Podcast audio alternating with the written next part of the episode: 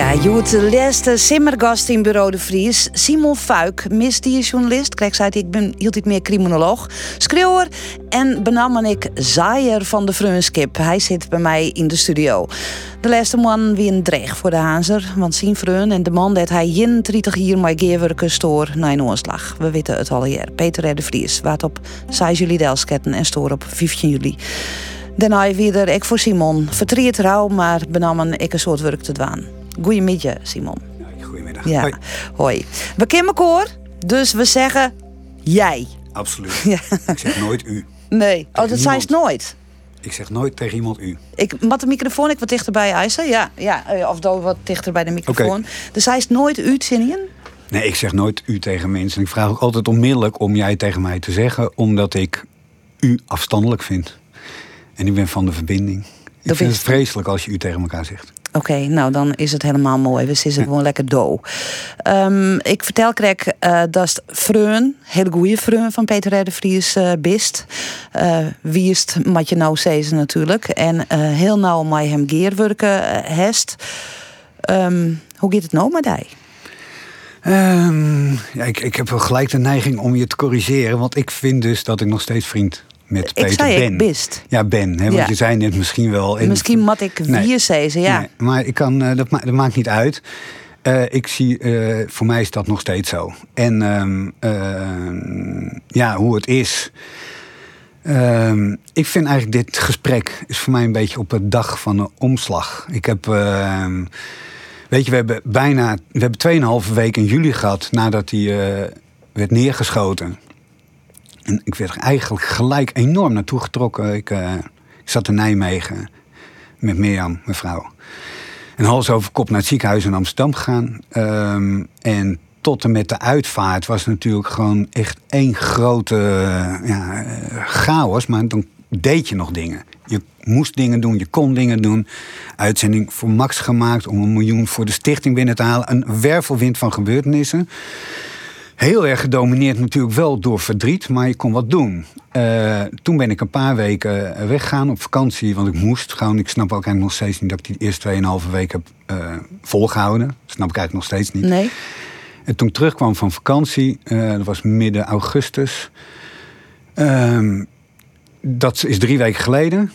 En die vind ik zo mogelijk nog erger dan die weken daarvoor Waarom? omdat het nu, nu is het gemis, eh, moet het worden ja, verwerkt. Je moet het nu, ja, je moet ermee leren leven. Ja. Eh, en dat is in mijn geval echt ongelooflijk ingewikkeld. Ik, Hoe eh, dost het? Hoe dost dat? Hoe, nou, hoe- dat weet ik dus niet. En daarom, eigenlijk is dit dus wel het antwoord op mijn vraag van jou, van hoe het is. Want daardoor, ik zeg eigenlijk tegen mensen altijd naar omstandigheden goed. Maar ehm, eerlijk gezegd is het naar omstandigheden slecht. En nou, daar zullen we zo meteen wel even over komen te praten. Maar ik was afgelopen week in Maastricht, omdat er een stille tocht werd georganiseerd. Ook door onze stichting. Voor Tanja Groen, daar gaan we het zo over hebben. Maar ook voor Peter. Eh, daar ben ik met de ouders van Tanja naartoe gegaan. Daar met hun verbleven en de volgende dag weer terug.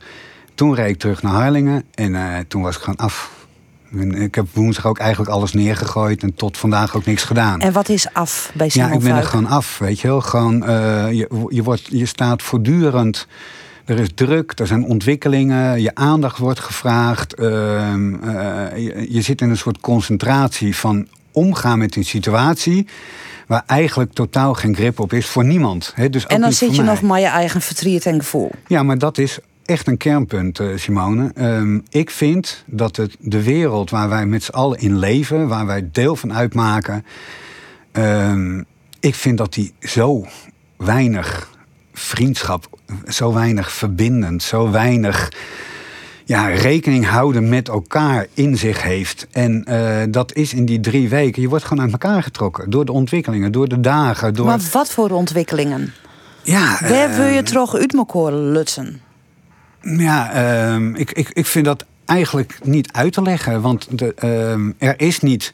Kijk, als, je, als er een. eh, ehm, nou, eigenlijk door het feit dat het verdriet weg lijkt. Iedereen heeft het wel. Maar het is weg uit wat er gebeurt. De gebeurtenissen. Ik krijg ook. Ik vind dat ik heel weinig. in het werk of in de wereld. En dan heb ik het met name even over zeg maar, het, het, het mediawereldje. Ik ben gewoon eigenlijk te verdrietig om hiermee om te kunnen gaan. Ik ben er gewoon te verdrietig voor. Maar je krijgt geen tijd om dat verdriet op een of andere manier in je werk te vertalen. En uh, dat, dat, nou ja, dat, dat gebeurt. En eigenlijk heel praktisch, want nu wordt het een.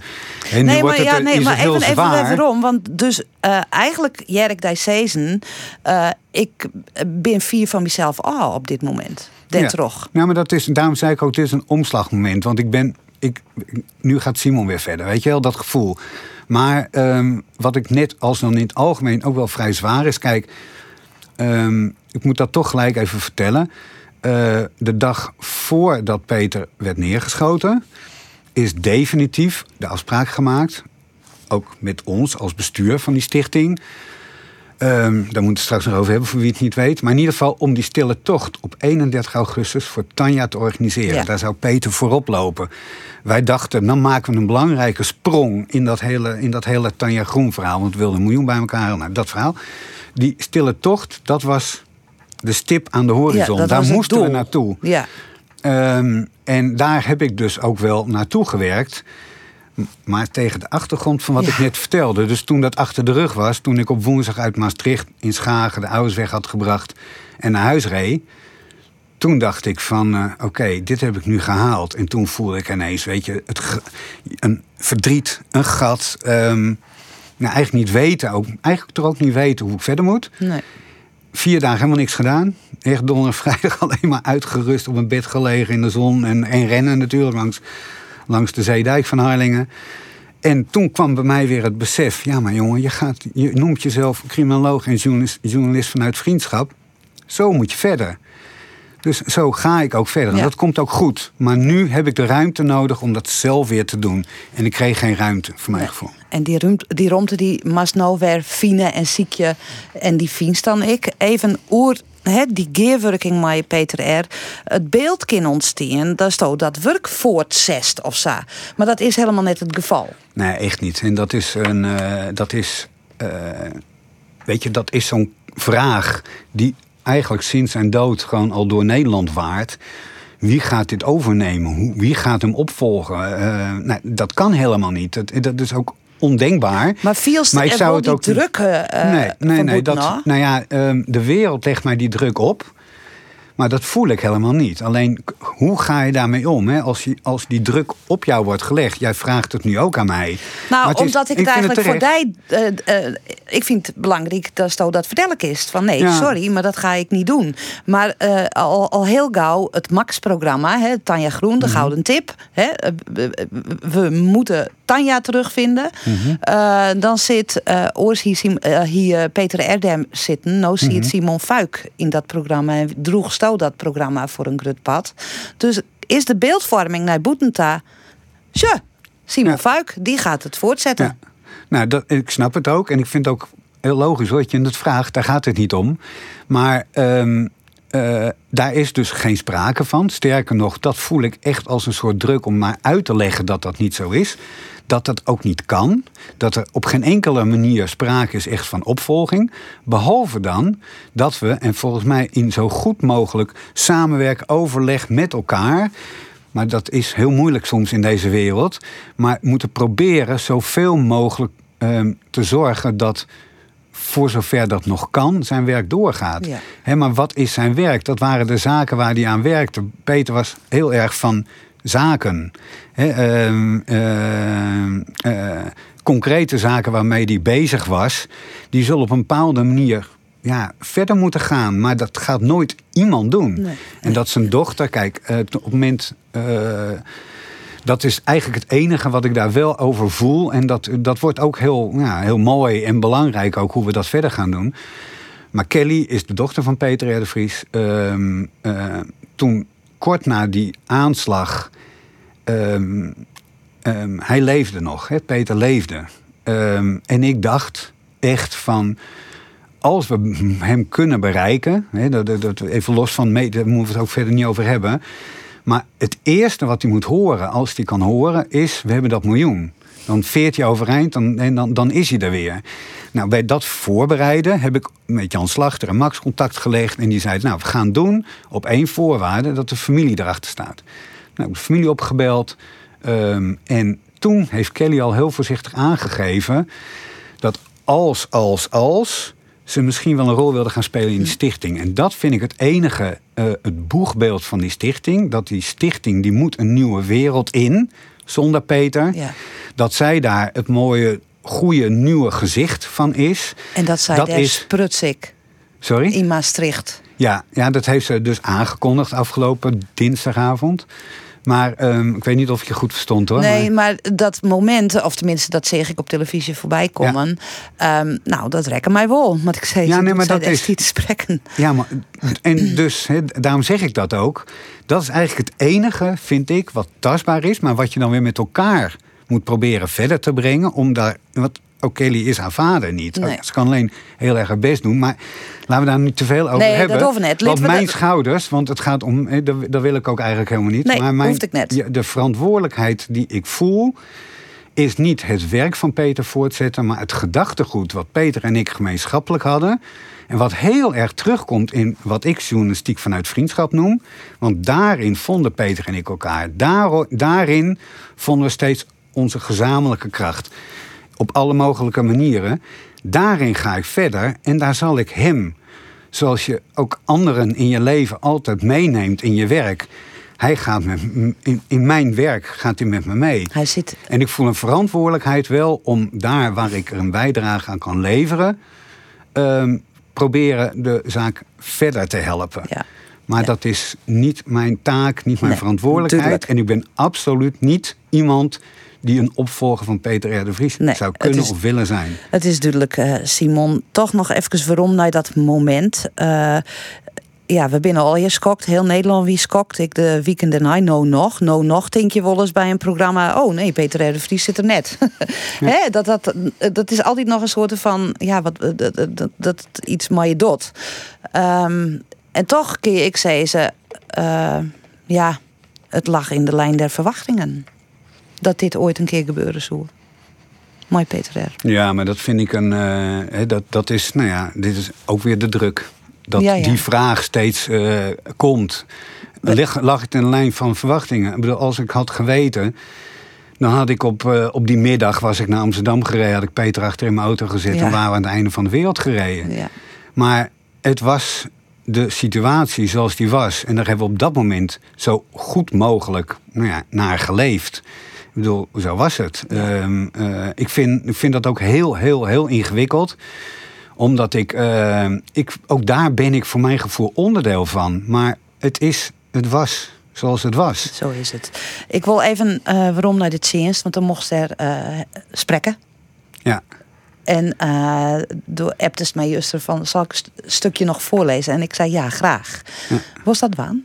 Ja, nou, ik, um, dat doe ik omdat ik, um, nou, ik, voor mij was het een, een uh, ja, echt een onvergetelijk moment eigenlijk. Dat ik de dag nadat Peter was overleden, dat de familie tegen mij zei dat Peter heeft nagelaten de vraag of ik op zijn uitvaart wilde praten. Nou ja, dat is, dat, ik, ik, als ik daar nu nog weer aan denk, dan voel ik overal dat kippenvel. Omdat dat natuurlijk toch op een hele mooie manier uh, ja, het belang van onze vriendschap gewoon aangeeft. Nou, toen had ik zes dagen de tijd om te denken van wat ga ik doen. Ik heb heel veel, uh, uh, echt heel veel toespraakjes gemaakt. Omdat ik dacht van nou, ik moet ook vertellen hoe het was en hoe het ging met en alles en nog wat. En dan de laatste dag heb ik het helemaal alles weggegooid. Toen dacht ik nee, ik moet gewoon zin zoeken in wat onze vriendschap in het werk betekent en hoe we daarin verder gaan. En Peter was. We gaan het ongetwijfeld nog heel veel over vriendschap hebben of dingen die ik doe. Kijk, Peter is daar altijd ook in meegegaan. Die ging in mijn vriendschapsidee mee. Het was niet iets wat we samen hadden, helemaal niet. Ik, ik wilde gewoon vriendschap zaaien. En Peter vond het eigenlijk heel geweldig. En die ging, als hij tijd had, dan zei hij ook altijd: Simon, als je wat doet en ik heb tijd, bel me op, dan ben ik er. Nou, daar, um, uh, en ga ik toch, dit vertel ik, dus je onbewust. Ja, jongen, de wist net stoppen, hè? Nee, maar dit moet ik vertellen, want anders snap je niet waarom ik dit ga voorlezen. Kijk, ik heb uh, in 2018 hadden we in, in Harlingen de Tollship Races, daar heb ik de dag van de vriendschap georganiseerd. En dat was een dag waarop Peter zei: Ik kan, dus ik ben er. Die heeft daar op het podium, ook voor duizenden mensen, heeft hij het verhaal van zijn vriendschap met Cor van Hout verteld. Maar ook hebben wij toen samen in een interview um, gesproken over het belang van vriendschap in de wereld van misdaad. Uh, de Volkskrant heeft de volgende dag een pagina groot artikel geschreven onder de kop met vriendschap het kwaad te lijf. Dat is de gedachte, dat is ook de criminoloog in mij.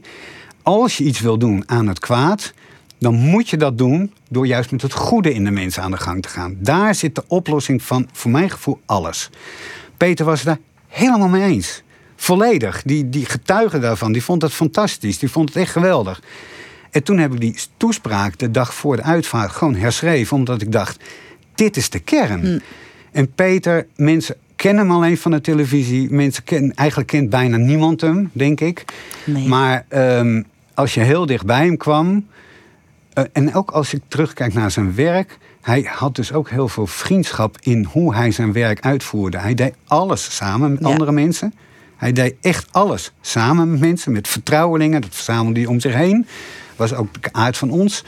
En um, uh, dus ik, hij werkte op zijn manier ook, vanuit vriendschap. De zaken zoals Verstappen en, uh, en uh, Nicky Verstappen, Tanja Groen...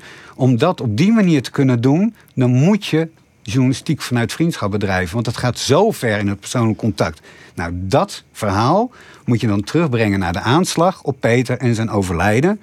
En toen heb ik het volgende gezegd aan het eind van mijn speech toen. En met toestemming van de familie mag ik het uitdragen, omdat ik het belangrijk vind om het zo uit te dragen. Daar komt hij. Allerbeste Peter, lieve Peter. Je werkte, je leefde vanuit vriendschap. Je stierf vanuit vijandschap. En daarom, Peter, ik sprak dit tijdens de uitvaart hè, naar Peter toe. Daarom, Peter, vraag ik, smeek ik nu, vandaag, iedereen, we zaten met z'n allen in Carré, iedereen die dit hoort en iedereen die ervoor open staat, om al van, vanaf vandaag verder te leven, verder te werken vanuit vriendschap. Iedereen. In het bestuur, in de politiek, in het strafrecht en al helemaal in de journalistiek. Met jou als groot lichtend voorbeeld. Met jou in ons hart. Dankjewel, Peter. Zo besloot ik. Dankjewel voor alles wat je voor ons allemaal hebt betekend. Je was de allerbeste. En dankjewel voor onze vriendschap. Onze echte vriendschap. Omdat jij jij was. Omdat ik ik ben. Omdat wij zijn. Sterker dan de dood.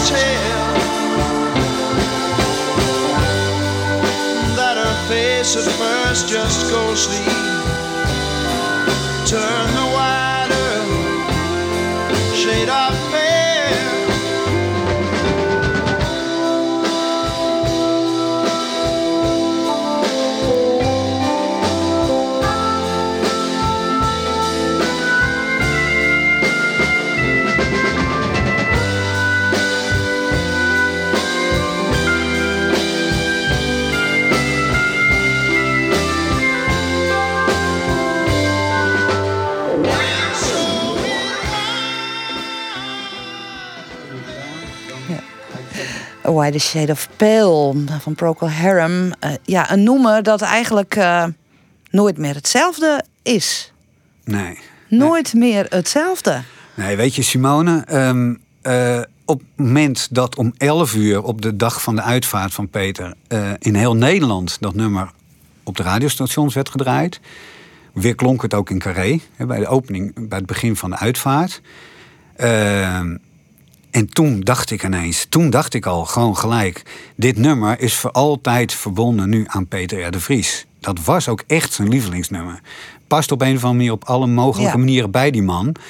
En eh, toen onmiddellijk dacht ik ook van... Jeetje mina, aan het eind van dit jaar, als die top 2000 weer komt... Waar, en het is een echt top 2000 nummer... Bij Peter is echt gaan horen massaal. Veel mensen. eh, eh, eh, ook een miljoen euro. alles was heel groot Groots. bij Peter. Ja. Hoe kunnen we hem niet op een hele mooie, grootse manier herdenken... door White Shade of Pale gewoon heel hoog in die top 2000 te Nee, krijgen? net Ik heel niet. hoog. Ja, maar dat, Nummer één. 1. Ja, maar dat hoop ik, weet je wel. Dat, Want dat- Peter R. de Vries gie ik altijd voor het heegste, toch? Ja, en, en nu, hè, dan, dan, dan voel ik dat dan ook gelijk, weet je. Dan, dan, dan, kom, kom, dan gaat ineens dat verdriet weer helemaal omhoog. Omdat ik denk, als dat lukt, dan gaan we het jaar uit met Peter. Het laatste liedje wat wordt gedraaid dit jaar. Nou, dat zou toch waanzinnig zijn? Ik zag gewoon dat de emotie in die omheen zit. Ja, en st- stom is dat, hè, dus dat is dan steeds. Maar dan komt het ineens op een onverwacht moment naar boven. Maar dit is eigenlijk wel wat ik zo straks heb. En laten we het zo meteen ook over andere Ja, dingen maar hebben. mag het ons die hebben? ik? Maar over wat, wat ik wilde zeggen. ehm, we gaan met z'n allen verder. Want we moeten met z'n allen verder. En laten we nou ruimte laten aan dat verdriet. En dan over een paar maanden loopt het jaar op zijn einde. En dan is het prachtig als we dit uit kunnen dragen. Maar dit is. Bij deze is de oproep duidelijk, duidelijk eh. Simon. Echt. Eh, ik vul hem elke keer in. Dus eh, ik zal hem dit hier een keer vullen. De top 2000. Dankjewel. Mooi. We gaan naar Dijta. Echt naar Dij. Ehm, Simon Fuik. Wennen, wenachtig in Haas. Wat is de leeftijd? Nou, dat is een moeilijke vraag hoor. Hoe oud bist? Ik ben geboren in 1960. Dat betekent dat ik in 2020 mijn 60ste verjaardag heb Ah. gevierd. Maar in 2021 ben ik geen 61 geworden. Want ik heb namelijk in het najaar bedacht, tijdens het hardlopen over de Zeedijk... en na afloop gelijk naar mijn vriend gebeld... die ook van voor altijd jong eigenlijk is. Wij noemen dat voor altijd 24 blijven. Opgebeld en gezegd, moet je luisteren... ehm, ik ga niet ouder worden en jij ook niet. We gaan vanaf nu weer terugtellen.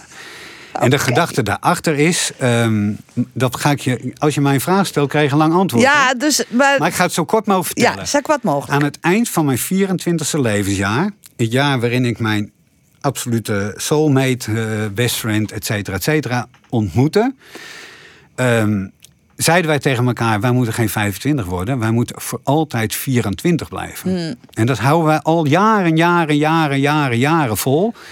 En dus hebben wij toen mijn oudste zoon 24 werd, hebben we met z'n drieën Forever 24 op onze arm getatoeëerd. En daarom tel ik nu af, want dan moet ik nu nog 35 jaar en dan ben ik weer 24. Helemaal goed. Waar komst wij? Ja, ik, ehm, wat, waar ben je geboren? ja het, het, het mooie is bij mij, denk ik, dat ik uiteindelijk mijn, eh, mijn thuis heb gevonden in Friesland. Ehm, maar ik ben geboren in Haarlem. Ik heb toen naar Ede, toen naar Dokkum, daar heb ik lagere school gezeten. Maar ik woon nu in mijn 29ste huis uit mijn leven. Dus ik kom niet echt ergens vandaan. Maar ik kom uit mensen. Ik ben een mensenmens. En ik ben enig kind. En ik kom uit mijn ouders.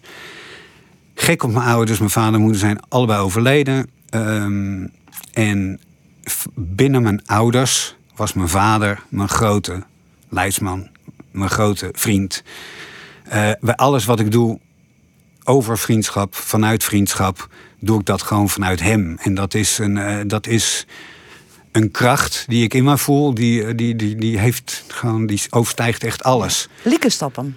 Ja, ik lijk ook op hem. Eh, mijn vader, ja, die- iedereen die hem goed heeft gekend. Dat vind ik bijvoorbeeld treurig. Ik woon in Harlingen. En in Harlingen heeft nooit iemand mijn vader gekend. Hè, dat, is eigenlijk, dat vind ik toch vervelend. Maar ehm, ja, ik lijk op hem. En, ehm, eh, maar we waren ook enorme tegenpolen. Dus waar kom ik vandaan? Ik kom echt vooral ook heel erg uit hem. Mijn vader was een belastingambtenaar. Een keurige man. Stropdas, overhemd. En, eh, ik leek uit, uiterlijk in niets op hem. Alleen in gezicht, maar niet in gedrag en leven, et cetera, et cetera. Hij heeft een heel keurig leven geleid en was in de laatste jaren van zijn leven zijn wij, heeft hij steeds meer wel uitgesproken dat de vrijheid waarin ik leef, ik leef een heel vrij leven, ik heb heel veel belangrijke keuzes in mijn leven gemaakt, puur uit vrijheid en vriendschap. Ehm, dat hij dat graag zelf ook had willen doen. Dat keurslijf, wat denk ik de generatie voor ons ook breed draagt. Ik denk echt mensen ook die het gesprek horen dat dat. Ik denk, ik weet niet hoe dat bij jou is, maar dat weet ik niet. Ik kan het er ook niet vragen. Maar dat, dat, dat, dat, dat- daar zit een soort tegenstelling van een Ja. keurslijf uit die oorlog misschien wel. Ja. En wij mochten vrij leven. En dat Ja. heb ik ook gedaan. Daar was mijn vader eh, een soort van jaloers op. Maar daarmee gaf hij ook heel erg aan dat dat ook echt zijn inborst was. Ja, ja. Dus ik heb. Dus ehm, eigenlijk het hij misschien wel sinds zijn aard inleeft. Ja, hij heeft tegen zijn aard ingeleefd, terwijl hij mij op het spoor heeft gezet van een vrij en vriendschappelijk leven. Ja. En ehm, waarom ik altijd zeg dat ik de vriendschap van hem heb, ik denk dat dat ook komt omdat ik enig kind was. Maar mijn vader heeft van jongs af aan bij mij echt ger- ingeramd. Vrienden, vrienden, vriendinnen, vrienden, vrienden, vriendinnen. Oké. Da- dat is het leven. Daar, vriendschap is vertrouwen.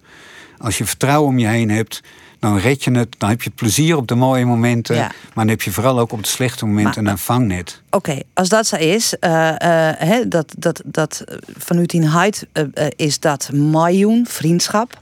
En dan wil je criminoloog. Ja, maar... ehm, eh, het, ja, het, het past misschien wel bij elkaar, maar ik maar- daar een zinstelling in. Ja, maar ik, ehm, eh, dat ik criminoloog ben geworden is een keuze die voortkomt uit vrijheid. Want ik, heb helemaal, ik ging helemaal niet criminologie studeren. Ik woonde toen in Middelburg. Daar heb ik mijn, eh, mijn gymnasiumdiploma gehaald. En ik wilde naar Amsterdam. Dat wilde ik. En omdat wij een christelijke achtergrond hebben, was je verzekerd van een plaats op de VU als je rechten ging studeren. Dat was mijn motivatie om rechten te gaan studeren. Ik wilde gaan naar Amsterdam. Ik wilde vrij. Ik wilde Ja. leven. En toen ik rechten studeerde, wat een verschrikkelijke studie vind. Toen ontmoette ik Herman Bianchi. Nou, dat is weer een heel ander verhaal. Nou, Maar onze Friese op, professor, noem Ja. ik hem. En die heeft mij de criminologie ingetrokken. En die, Ja. zei, en die heeft mij die fascinatie voor om, nou, kijken naar misdaad met een andere bril dan rechtenstudenten Ja. zou doen. Dus ehm, alles heeft zo'n slinger. Snap je wat ik ja, bedoel? ik begreep dat. Mijn vader vond, eh, snapte er niets van dat criminologie ging doen. Nee. Ik- Wie die de letter wel grutskop? Trots? Ja, ja, maar pas dus aan het eind van zijn leven benoemde hij pas dat hij er eigenlijk diep in zijn hart echt heel erg trots op was geweest. Dat hij hem eigenlijk wel zelf had. Maar wel mooi dat hij het nog uitsprekken koer dan. Ja, zeker. Maar toen ik criminologie studeerde, hij zei: maar, hoe ga je Wat moet je daar nou met? Wat moet je En daar toen nou zei mee? ik heid, Ja. want mijn vader heb ik altijd heid genoemd, tot, eh, altijd. Door onze Friese, eh, ook roots. Maar ehm, ehm, ik zei, ja, maar werken, ik bedoel, dat, daar was ik niet eens mee bezig. Sterker nog, toen ik 16 was, heb ik tegen mijn ouders gezegd... tot mijn dertigste ga ik niet werken. Ik wil eerst leven. Ik wilde jong zijn. Ik wilde eigenlijk altijd jong zijn. Ik wilde altijd Hm. Voor 24 altijd blijven. jong. Dat brengt mij bij de muziek, Simon. Dadelijk komen we verder over herstelrecht en Bianchi. Maar, eh, nou ja, de heeft vier nummers uitkezen. We komen er natuurlijk weer net onta on alle vijf. Maar voor altijd jong, die maar eruit worden, toch? Ja, en mag ik daar één ding over zeggen? Ja, kort. Het verwoord precies wat ik vind hoe je in het leven moet staan, maar vooral wat je je kinderen gunt, toewinst. Huub van der Lubbe.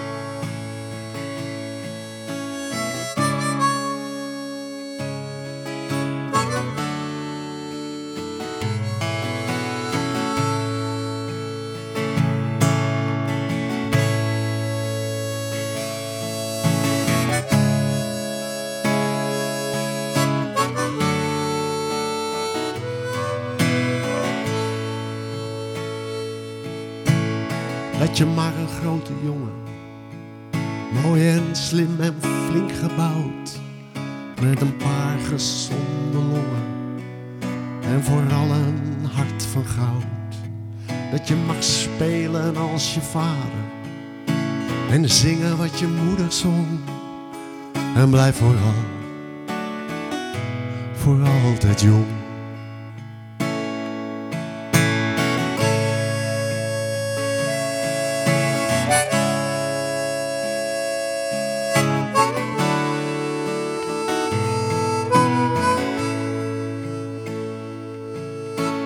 Dat je maar een flinke kerel, die ook lief kan zijn en zacht, die zijn weg vindt in wereld, die zich door het leven lacht. Dat je open staat voor alles en geen krimp geeft in de storm en blijf vooral, voor altijd jong. Voor altijd jong voor altijd jong. Blijf vooral, voor altijd jong.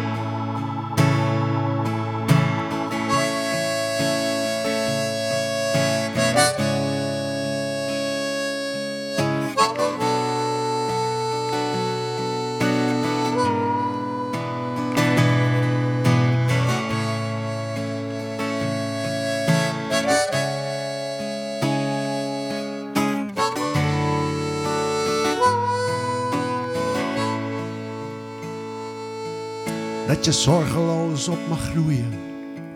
Tot plezier van lief en vriend. Dat je gaven zo gaan bloeien.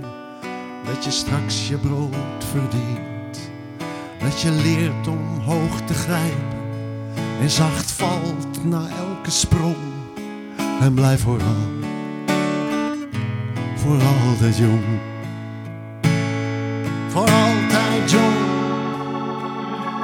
Altijd jong. Blijf vooral,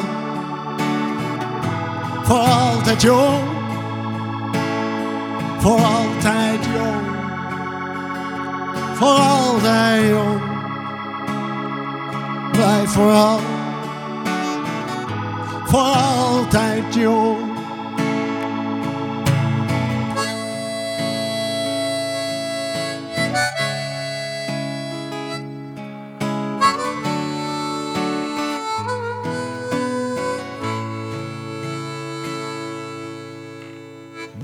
Dank u wel.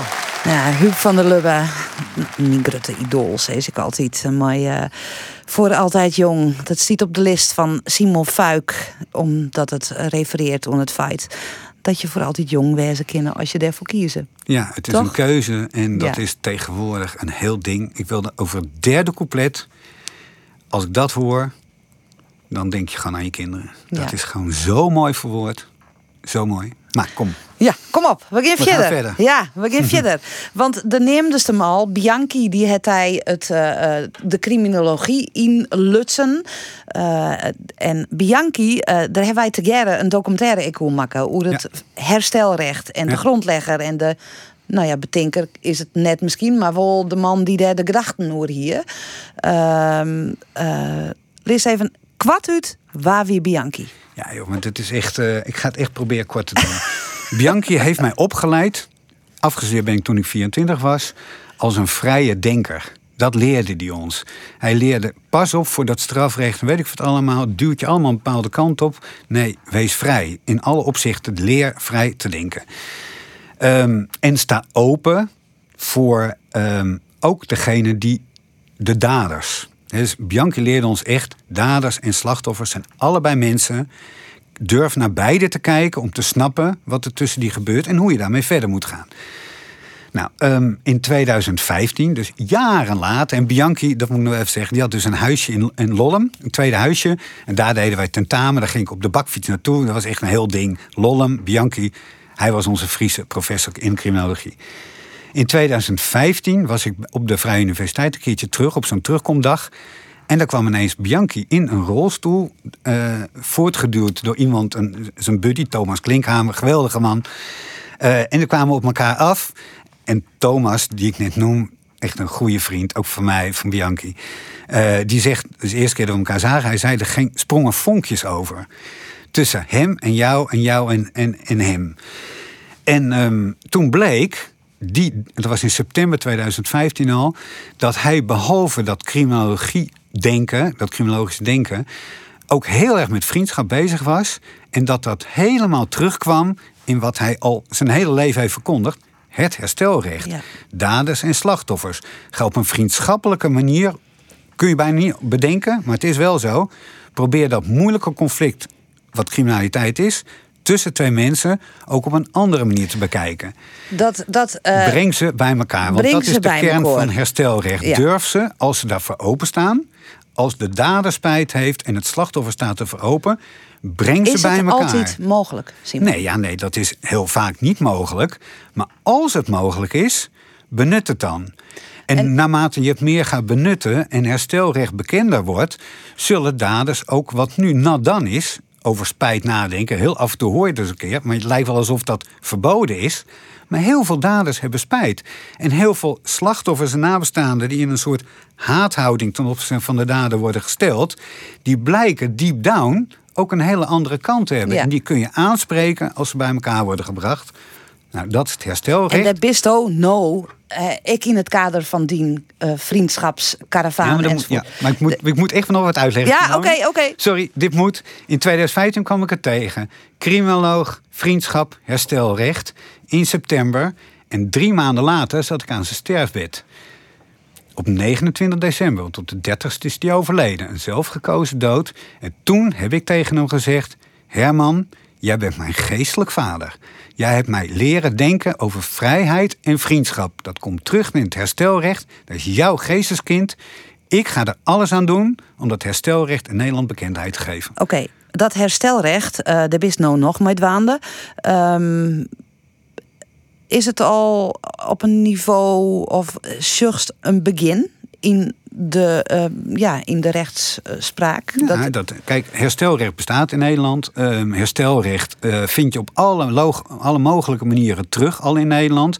Maar in die moeilijkste sfeer, dat strafrecht, ja. ehm, eh, enkele duizenden keren per jaar. Nou ja, dan, ben dan is het wel iets. Laat ik een voorbeeld eh, nemen. Wij hebben in die documentaire Bouke Vaatstra hebben wij der Oesprutsen. Ja. Of hij überhaupt ooit met eh, Jasper S.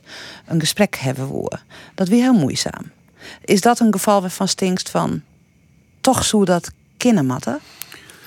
Ja, maar ehm, de uitzondering op de regel rechtvaardigt de regel. En Bouke is natuurlijk een. ehm, eh, die hebben we in die documentaire ook gedaan, omdat ik vind dat je bij herstelrecht ook moet laten zien dat het af en toe er gewoon niet in zit. Nee. Zou het er bij Dat jou in zitten op het moment dat. eh dat zou een gesprek hebben kunnen zoest met de moordenaar van Peter R. de Vries? Ja, nee, dat die, willen? die, die, die, die vraag, eh, ik snap dat je hem stelt. Ehm, als, als, als, als, als. Nou, dan ja. maar het nee, maar nee, ik geef ook antwoord. Dan, dan ja.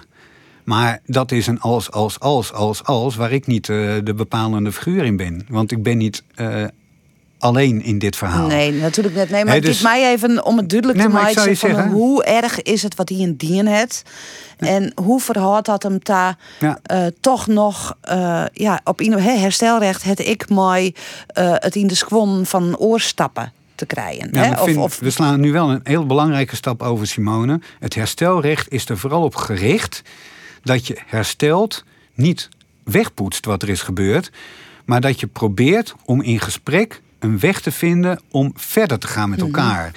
Zowel de dader, normaal gesproken, als hij niet levenslang krijgt, komt hij terug in de samenleving. Dat is belangrijk. Hoe komt iemand terug in de samenleving? Een slachtoffer nabestaande heeft eigenlijk geen rol in het strafproces. Nog steeds niet. Heeft eigenlijk helemaal geen recht van spreken. Ook al lijkt het een beetje zo bij een spreekrecht. Maar als je ze bij elkaar brengt, dan kunnen er dingen ontstaan. waardoor ze allebei uiteindelijk weer verder kunnen. En dat is het maatschappelijke belang wat erachter zit. ja, dat is het grote belang dat we weer verder kunnen. Ja. Elke nien. Ja. Ja, en als ja. dat erin zit, en dat was een, een, een, een, een standaardkreet van Bianchi. Als je spijt hebt bij een dader, ben je gek als je daar geen gebruik van maakt. En de Ja. eerste die het verdient, is het slachtoffer of de nabestaande. Ja. Die ontneem je een kans als je ze überhaupt de gelegenheid niet geeft. En ik denk dat daar een enorme eh, winst te boeken valt. Ik zat laatst met een gevangenisdirecteur, want ik ben dus bezig met een televisieprogramma hierover. Nou, dat, daar ga je meer van horen, dat geloof ik, dat kan ik je beloven. Ehm, eh, en die zei: Ik denk dat nog geen 2% in deze gevangenis op dit moment spijt heeft. Maar ik denk dat de potentie veel groter is. Ja, Misschien ja. heeft wel 20, 30, 40, 50 procent spijt. Maar we weten het niet, omdat we het überhaupt niet bespreekbaar maken. Omdat we het net bespreken. En dan, eh, want we kunnen net heel weinig over herstelrecht verder. Want we moeten naar die frunskip, eh, Simon. Kom maar op. Want eh, nou, de, de bist al langer, maar dat frunskipsverhaal, het is het verhaal verteld ik dat Peter de Vries daarin Haans uh, stier om mensen te spreken hoe frunskip. En dat werk, daar gist weer volledig mooi onder de slag. Ja. Met die frunskips karavaan. De gist terug de provincie Friesland, uh, die bakfiets en worst mensen bij elkaar brengen, gesprekken, verbinden. Ehm, en dat begint na je weekend weer. Klopt. Toch? Hoe dus- ziet het eruit? Ja, nee joh. Het karavaan van de vriendschap is met een aantal andere dingen hoor. Want ik heb ook nog andere projecten. Ehm, vriendschap gaat allemaal nu weer beginnen. Ook omdat corona het gelukkig toch weer toestaat. Om, om ons in ieder geval wat meer ruimte te geven om te doen. Maar laten we ons tot de karavaan van de vriendschap beperken. Daar begin ik vrijdag weer mee. Dat heb ik heel 2020 gedaan. Elke eerste vrijdag van de maand.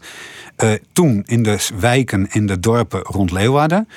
Nou, we starten nu aanstaande vrijdag met de eerste etappe van de tweede ronde. En wat mij betreft en eh, wat andere betrokkenen betreft, gaan we nooit meer stoppen. Gaan we voortaan altijd de eerste vrijdag van de maand gaan we met de bakfiets door een vooraf bekend gemaakte route gaan wij vriendschap zaaien. En dat betekent dat we muziek maken, dat we taal, we hebben gedichten, we hebben verhalen. We gaan in gesprek met de mensen die zich aandienen. Soms wordt er een, iets georganiseerd. Nou, eh, eh, vrijdag bijvoorbeeld beginnen we eh, in Verwert. We beginnen helemaal in het noorden van Friesland. We eindigen in Dokkum. En dan en in de tussenliggende dorpen, ik heb ze even snel opgeschreven. Verwert, Hegebeintum, Ginnem, Ginnem. Ginnem, Rijtsum, Lichtaard, Raart, Dokkum. Maar dan gaan we langs met die bakfiets. Troubadour, Bruno Rummeler is bij me. Ehm, eh, we hebben dat eh, eigenlijk ervaren in 2020... dat het de meest laagdrempelige manier is... om via vriendschap daarover te praten en over te zingen... om bij mensen binnen te komen. Om, mensen samen te, verbinden. Om ehm, eh, jong, oud... hebben- wat zijn reacties van mensen die dan krijgt? Het is ook heel, het is heel moeilijk eigenlijk om het uit te leggen. Ehm, eh, vriendschap is een prachtig onderwerp om dingen bespreekbaar te maken. Het is begonnen, het, de karavaan van de vriendschap, om eenzaamheid te bestrijden. Eenzaamheid is een heel, heel groot probleem in Nederland. Echt heel groot probleem. Maar hoe ga je erover praten? Je gaat niet met iemand zitten en zeggen: Goh, wat ben je eenzaam? Zal ik eens even met je praten? Nee, je gaat bij iedereen langs door over vriendschap te praten. Ja. En dat iedereen heeft iets met vriendschap. Of mist het. Of vaak is daar ook een kern van eenzaamheid. Dus het is op een hele positieve manier. Met liedjes, met gesprekken. Met ook, nou, we, nee, we hebben altijd bloemetjes bij ons. We delen uit. We, we, we, we, we laten mensen elkaar bloemen geven. Dat gebeurt allemaal rond die bakfiets. Dus ook heel erg denkend. Het is niet online. Het is niet op internet. Nee, het is een bakfiets. Echt. Het is In echt. het echt. Fysiek. Puur. Oprecht. Bij elkaar. Ja, en positief. Bijna radicaal positief. Radicaal positief. Ja. Simon, machtig. Maar we moeten nou naar de dilemma's. Oké, Ja, daar komen ze. Haas of Amsterdam? Hans. Wien of bier? Ehm, in het weekend bier. Frunskip of leefde? Vriendschap. Stad of platteland? Platteland. Vrijer drugsbeleid of strenger drugsbeleid? Eh, vrijer. Volkskrant of Telegraaf? Volkskrant. Sprinten of marathon? Marathon. NPO of RTL? NPO. Eten sieren of uiteten? Eten, koken of uiteten? Eten koken. Lezen of schreeuwen? Schreeuwen. Schrijven. Sorry. Vlees of vis? Pff, vlees. Wiemoenenpark of Zinnenpark? Oh, eh, eh, dat zijn die parken. Windmolen of... Ja, nou, geen van beiden. Geen van beide. Baudet of Wel- Wilders? Ach man, geen van beiden. Jonsmeesk of Vroege Vogel? Avond. Avondmens. Politie of maatschappelijk werk? Ja, maatschappelijk werk. Maar politie ook, nee hoor, allebei. Wat een onzin. Nee, politie Stomme allebei. dilemma's. Ja, maar allebei, alsjeblieft. Juist politie en vriendschap. Ach, kom op. Oh ja, politie, der, zit, ja, die Ja, kinderen als, de, als de politie werkt vanuit vriendschap, dan, dan, dan, dan dat, dat is gewoon. En dat doen ze misschien ook wel heel veel. Alleen niemand kijkt ernaar. Nee. Ze moeten boeven vangen. Maar werk uit vriendschap, please. Boek of krant? Eh, boek. Meebuigen of vasthouden? Vasthouden. Rust of actie? Helaas allebei. Formule 1 of wielrennen? Nou, absoluut wielrennen. Gevoel of verstand? allebei. Alleen of met z'n allen? Nee, met z'n allen. Familie of vrienden? Ja, dat is net zoals liefde en vriendschap. Ik bedoel, eh, toen zei ik vriendschap, maar natuurlijk is het onzin. Camping of hotel? Camping. Nu of straks? Nu. Dit winnen ze de 24. Wilt u nog ergens op terugkomen? Nou, die van liefde vriendschap eigenlijk. Want mijn, eh, ik vind dat als, als in liefde vriendschap ontbreekt, is die liefde kansloos. Dus daarom, hè, en zo. Ja, en je hoeft niet hoort- verliefd te zijn op je vriend. Nee. Maar je moet wel vrienden zijn met je liefde. Mooi, met je geliefde. Simon. Ja, mooi. Ehm, eh, we hebben nog één nummer te gaan dadelijks. eh, maar toch nog even op die Vreunskipskaravaan uh, waarom. Dus hij is van, nou, we gaan hier altijd mee door. Ja. Eh, de- Nou, maar- hoe- hoeveel tijd heeft je ervoor? Ja, maar kijk, ik, ik- denk toch, als ik nog heel even mag benoemen. Het is echt super mooi, vind ik, dat die karavaan van de vriendschap verder gaat.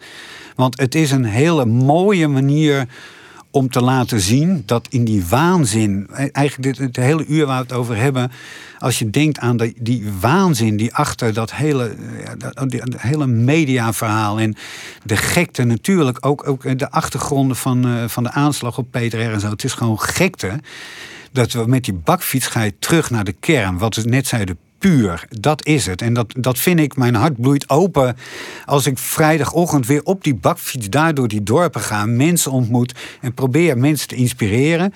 En omdat we, eh, dat, om, ik doe het nu samen met AVOEK, het Taalinstituut. Die hebben zich ook over die karavaan ontfermd om juist het eigenlijk eindeloos te maken. Ja. Hoe mooi zou het zijn als je, uit, als je de rest van je leven elke eerste vrijdag van de maand gewoon op een bakfiets rijden. Jij zei net actie rust. Dat is het ook. Ik bedoel, het is heel waardevol. Het is heel klein, maar wat het betekent is onvoorstelbaar groot. Ik ben er echt van overtuigd. En daarom radicaal positief, dat ben ik namelijk wel. Dat zou Bianchi ook geweldig vinden als ik dat zei. Eh, en Peter vond het ook geweldig en mijn vader ook. Ehm, ehm, als wij echt vriendschap als thema ontwikkelen, van jongs af aan, we hebben het over altijd jong, maar van jongs af aan op scholen, als er wordt gepest, breng kinderen bij elkaar. Praat met beiden, omdat ze beide vriendschap verdienen. Criminaliteit en pesten is een van de meest nare combinaties die er zijn. Ja. En vanaf het begin leef vriendschappelijk, voed vriendschappelijk op, werk vriendschappelijk, presenteer vriendschappelijk, bedrijf journalistiek vriendschappelijk. Dat is de enige manier om iets om te buigen. Ik vind het een heel mooi einde van dit gesprek. Mooi. En dan liep het mij heel mooi ik om mij het laatste nummer eh, te beginnen, eh, te eindigen. En dat is van de Turtles. Nou Want ja, dat, dat- is het uiteindelijke doel, toch? Ja, en Zo. Happy Together. Ik bedacht het ook weer hardlopen langs de zeedijk. Maar nu zingt iedereen waar we langskomen, heeft dat liedje. Zo vrolijk tezamen he- heet het bij ons. So happy together. Tier dank Simon Fuik voor dit prachtige gesprek. Dankjewel Simon. en eh, Jij mij jongen? Ik er niet.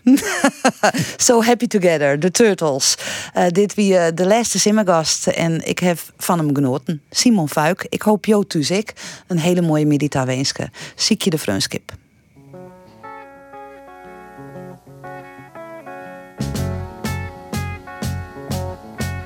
Imagine me and you, I do. about you day and night. It's only right to think about the girl you love So happy together. If I should call you up, invest a dime, and you say you belong to me, lose my mind. Imagine how the world could be so very fine, so happy together.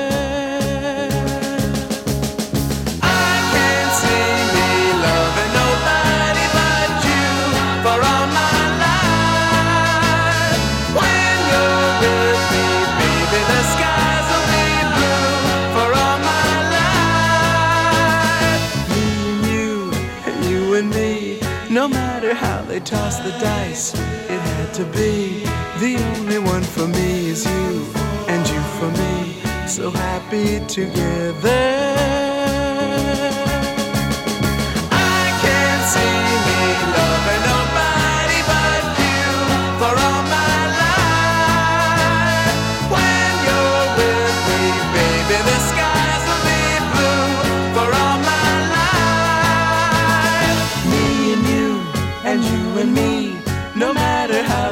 The dice, it had to be.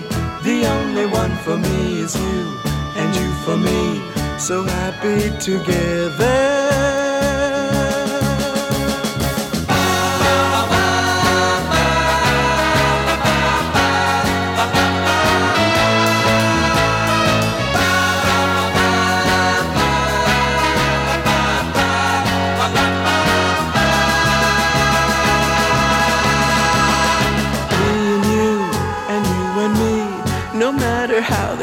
The dice, it had to be. The only one for me is you, and you for me. So happy together. So happy together. And how is the weather? So happy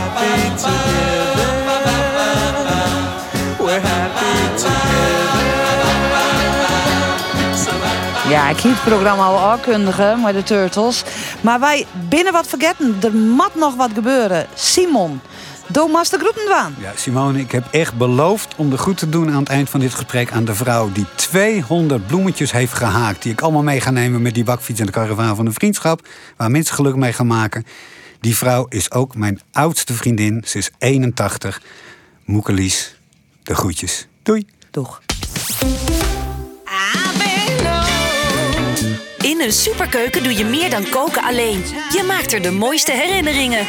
Download nu het gratis inspiratieboek op superkeukens.nl. Superkeukens, jij maakt hem super. Superkeukens vindt u bij Home Center in Wolvega, bij Kabega Wonen in Buitenpost en in Leeuwarden.